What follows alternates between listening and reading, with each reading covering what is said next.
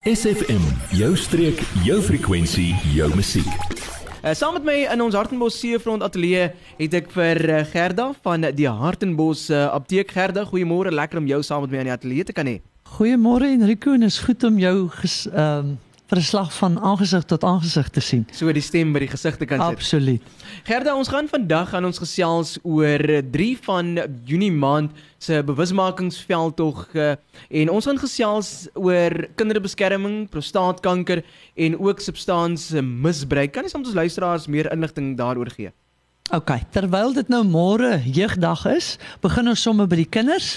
Ehm um, Junie is onder andere kinderbeskermingsbewusmaking en of skoon ek nou nie iemand is wat nuus kyk of koerante lees nie kon ek so 3 weke gelede nie anders om die artikel op die George Herald se voorblad te sien waar 'n 3-jarige dogtertjie toe haar mamma net vir 'n oomblik weggekyk het deur nogal deur die spesifieke winkel se sekuriteitswag opgeraap is en in 'n stoorkamer ingedra is. Gelukkig het die 6-jarige boetie dit gesien, mamma daarop attent ja. gemaak en uh, sekondes later is hierdie kind gevind. Hierdie storie het my net weer wakker gemaak dat ons hier in ons pragtige tuinroete meer paraat en baie meer oplettend gaan moet begin word. Ehm um, nie net vir onsself nie, maar ook vir ons medemens en hulle kinders wat vir die beskerming op elkeen van ons moet kan staatmaak. Ons apteek is self aan die einde van April uh deur twee mense ehm uh, het hulle uh, hele lot voorraad by ons gesteel en 3 weke later toe kom dieselfde mense in die apteek in en hulle sou definitief nie teruggekom het as hulle nie agtergekom het hoe gerus ja. hoe laid back onoplettend ons is nie. En dit gebeur en, so vinnig nee Gerda? Absoluut. En onthou hierdie mense is pros nê jy moet jou storie ken jy moet hulle onder oë hou. Ek bedoel net soos wat ek nou net hier gesit het het ek weer fotos gekry van 'n motor van 'n Mosambiker wat in die Mosselbaai area is eintlik van Gauteng ehm um, wat weer besig is met hulle veldtogte. En dan kan ek nie anderster as om aan my oorlede ma se woorde te dink. My ma was vreeslik onverbiddelik oor die vertel van leuns. Haar wyse woorde was altyd my kind 'n mens begin nie sommer 'n groot misdaad eendag pleeg nie. Dit begin altyd by iets kleins, soos jy vertel van 'n leuen en dan kom jy weg met dit. En, en dan vertel jy, ja, en dit kring uit en dit kring uit. So dit vat 'n hele pad voordat dit by 'n moord of 'n gewapende roof kom en dis waar ons as ouers inkom. As jy agterkom en ek bedoel toets jou kind daarin. As jy agterkom jou kind begin 'n gewoonte daarvan maak om 'n leuen te vertel. Maak dit jou punt om daai kind te dissiplineer. En in ons huis was die straf vir 'n leuen gelykstaande aan die van diefstal. Op daai stadium het ek dit nie verstaan nie, maar vandag is ek ontsettend dankbaar daaroor die raad van hierdie getraumatiseerde terwyl ons nou oor kinderbewusmaking praat, wil ek sommer hierdie mamma se raad gebruik. Sy het gesê as jy die oomblik as jy agterkom, soos in 'n winkelsentrum, jou kind is nie meer by jou nie, om onmiddellik so hard as wat jy kan, jou kind se naam te skree, jou kind se haarkleur uh, 'n uh, beskrywing van die klere wat hy aan het, miskien die klere kleur van sy haartjies en wie weet dat hierdie kan regtig 'n uh, daad van lewensred uh wees. Uh en dan ook as jy dit onnodig gedoen het en jy het jou kind baie vinnig gevind, bedoel 'n mens kan nie 'n kind se lewe vervang nie. Nee, glad nie. En nie in hierdie wêreld uh waarin ons vandag leef waar dit so vol van dit is waar mense niks daarvan dink om 'n kind op te raap en uh vir hulle misdaadaksies nie. En ek dink mense is nêrens as jy mee eintlik veilig nie.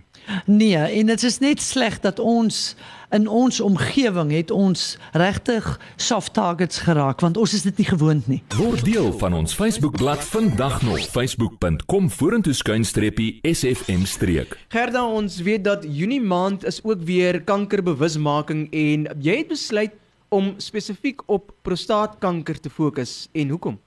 Ja, Enrico, omdat dit ook Men's Health Month is en daar's 'n gesegde wat sê enige man sal prostaatkanker of prostaatprobleme kry. Hy moet net oud genoeg word. Nou as dit waar is, dan moet 'n mens ernstig aandag daaraan gee, veral vir alle mans oor die ouderdom van 50. Nou as 'n paar belangrike punte wat 'n mens moet weet rondom die prostaat. Eerstens, 'n vergrote prostaat beteken nie noodwendig jy het kanker nie. Tweedens, is die prostaat is die orgaan wat die meeste sink bevat en benodig 'n hele 744 mg. En dit laat 'n mens net besef dat oor die ouderdom van 50 moet alle mans permanent sink aanvul want daar's geen manier dat jy dit uh deur jou dieet gaan inkry nie. En, en daar's 'n direkte verwantskap ook tussen prostaatkanker en 'n sinktekort sowel as 'n testosteron tekort. En dan is daar ook 'n verwantskap tussen prostaatkanker en te veel estrogen. Nou estrogen is 'n anaboliese hormoon en anabolies beteken dis iets wat groter maak of meer maak en dis dan nou sy verwantskap met kanker. Nou waar kry of kom estrogen vandaan? Eerstens ons mag liggame maak dit. Ons neem kosse in soos grane en soja wat baie keer estrogen bevat.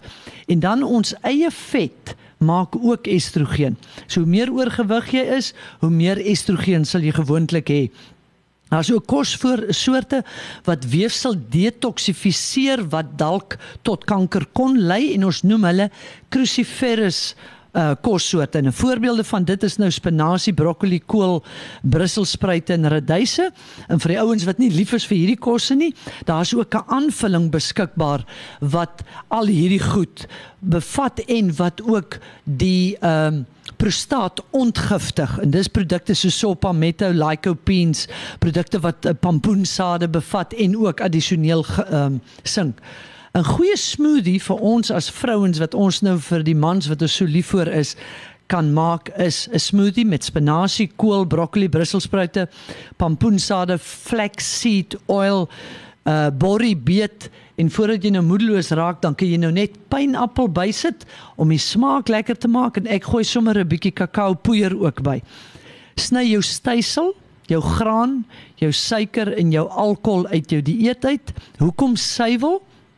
Melk en melkprodukte verhoog die opbou van hierdie anaboliese hormone. En voorbeelde van hulle, ons het klaar gesê is estrogen, maar jy kry ook prolaktin, kortisol, groeihormone, progesteroon en insulien. Is alles hormone wat goed groter laat maak. En dan het ons ook 'n uitnodiging vir Junie maand. Ons doen ehm um, ons PSA toetse gratis vir solank ons voorraad hou. So, kom in vir daai vingerprik. Dis letterlik 'n paar minute dan jy jou uitslag. As hy negatief is huwel ons saam met jou. En as hy positief is dan help ons jou om 'n afspraak met jou dokter of jou uroloog te maak vir verdere ondersoek. In gesprek met uh, Gerda van die Hartenbos uh, apteke wat vanoggend uh, saam met my kuier in die in die SFMC front uh, sentrum ateljee en 'n uh, dame wat baie passievol is uh, oor haar werk. Jou streekstasie SFM. Dis lekker om vroegoggend in jou geselskap te kan wees en gepraat van geselskap uh, Gerda van die Hartenbos apteek uh, wat uh, vanoggend saam met my in ons Seefront sentrum ateljee kuier. Uh, Gerda het aptekers en dokters het hulle baie te doen met uh, substansmisbruik. Ongelukkig ja, uh, Enrico en ek dink dit het baie met onkunde te, te te doen en daarom wil ek twee voorbeelde uitlig vir oggend want miskien resoneer dit met iemand daar buite wat luister. As jy uh ons sien baie wat dokters byvoorbeeld nou vir 'n pasiënt 'n antidepressant voorskryf, 'n anxiolytikum, sowel as 'n slaappil, want hierdie goed het nou alles met mekaar te doen. Maar die anxiolytikum en die slaappil skryf die dokter net vir 'n maand voor. Dis net dat die antidepressant kan begin inskop en die effek van die ehm um, die anti-angs en die slaaploosheid kan uh, uitskakel en dan ondervind ons verskriklik baie na 'n maand omdat die anxiolytikum en die slaappil se effek so vinnig is. Dan kom die mense dan wil hulle net dit hê. Hulle soek nie hulle antidepressant nie. En vanoggend wil ek net sê onthou dis die antidepressant met die minder neeweffekte waarmee jy moet aangaan en so vinnig as moontlik van jou anxiolytikum en jou slaappil afkom wat die baie hoër afhanklikheidsprofiel het. En dan as jy byvoorbeeld 'n hoofpyn het, wil ek sê probeer altyd met die laagste dosering en die middel met die minste neeweffekte en dan natuurlik die laagste afhanklikheidsprofiel het.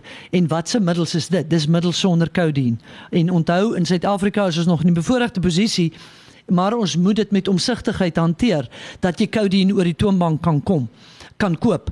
En dan indien jy 'n middel met kodeïn vir jou hoofpynne reeds gebruik en jy kom agter maar die dosering, die aanbevole dosering werk nie meer vir jou nie en jy voel, miskien is ek al klaar afhanklik van die ding. Ehm um, wil ek hê jy moet so vinnig as moontlik enige gesondheidsorgpersoon of dit nou 'n dokter is of dit 'n apteker is, iemand wat jy kan vertrou, maar gaan soek hulp so vinnig as moontlik. Onthou, hoe langer jy hierdie afhanklike produk gebruik, hoe groter is die hoe slegter is die onttrekking daarvan. En ek wil sommer vinnig gou-gou vir die luisteraars twee nommers gee in die George area. As jy nie iemand het na wie toe jy kan gaan nie, dan kan jy hierdie nommer bel vir substansafhanklikheid. Dis 044 805 0130 en dan die nasionale nommer is 086 1435787. Ek sal ook die nommers vir jou gee Enrico, dan kan jy dit ook op julle platform sit en ek sal dit ook op ons Facebookblad sit. Ons sien ook dat substansafhanklikheid nie net die gebruiker beïnvloed nie maar ook kosbare verhoudings. En die rede vir dit is dat mense wat afhanklik is van middels ondergaan 'n persoonlikheidsverandering. So jy's met een persoon getroud en dan eers in jou getroude lewe raak een van julle afhanklik van medikasie, die persoon se persoonlikheid begin verander en dis nie meer dieselfde persoon met wie jy getrou het nie. En dan net 'n laaste uh, waarskuwing, iets wat ons baie ondervind in die apteek. Moet asseblief nie vir jou kind met 'n hoofpyn van jou codeine bevattende pynstillers gee nie. Dis absolute overkill en jy stel jou kind onnodig bloot aan 'n moontlikheid van verslawing. Gewone parasiet uh, uh, ek kan as ons 'n ouderdom daaraan sit, sal ek sê onder die ouderdom van 12 en hoor eintlik Ek sal sê 18 en onder. Geen net vir jou kind gewone parasetamol en as die pyn gepaard gaan met inflammasie. Sê nou hy het homself beseer vandag met rugby by die skool, dan kan jy saam met die Panado, volgens sy dosering, volgens sy ouderdom, kan jy ook vir hom ibuprofen of mefenam nie mefenamsuur bygee, net daar 'n waarskuwing onthou net om dit altyd na ete te gee die ibuprofen en die mefenamsuur. So die beste tyd sal die laaste dosering van die dag sal dan direk na aandete wees. Dis 25 minute na 10 in gesprek met Gerda van die Hartenbos uh, apteek. Gerda, daar's dalk 'n luisteraar wat nou sit en luister na die inligting wat jy saam met ons luisteraars gedeel het en uh, die luisteraar wonder hoe hulle kontak saam met julle maak kan maak en dalk ook hierdie inligting aan die ander kant kry. Hoe gaan die luisteraar se werke? Uh Enrico, ons is in Hartenbos Apteek se ag in in uh, Hartenbos se hoofstraat regoor kan Hartenbos Laerskool. Ons het baie parkeer plek reg voor die apteek, maar ons praatjies word ook geplaas op Facebook uh Hartenbos Apteek Dieet is ons Facebook bladsy naam. Ons telefoonnommer is 0446951510 en as jy iemand is wat reeds ongemaklik voel oor die gebruik van byvoorbeeld jou pynmedikasie of jou slaapmedikasie, jy voel die dosering is nie meer vir jou voldoende nie. Kom gerus met ons gesels. Ons doen dit in privaatheid en in absolute konfidensialiteit en ons uh, verwys jou na die regte persone toe om die pad saam met jou te stap. Gerda, jy's 'n kundige op hierdie gebied. Baie dankie vir die inligting wat jy saam met ons luisteraars kom deel het vanoggend. Baie dankie Enrico. Adverteer jou besigheid vandag nog op SFM. Vir meer inligting skakel SFM gerus by 044 801 7811.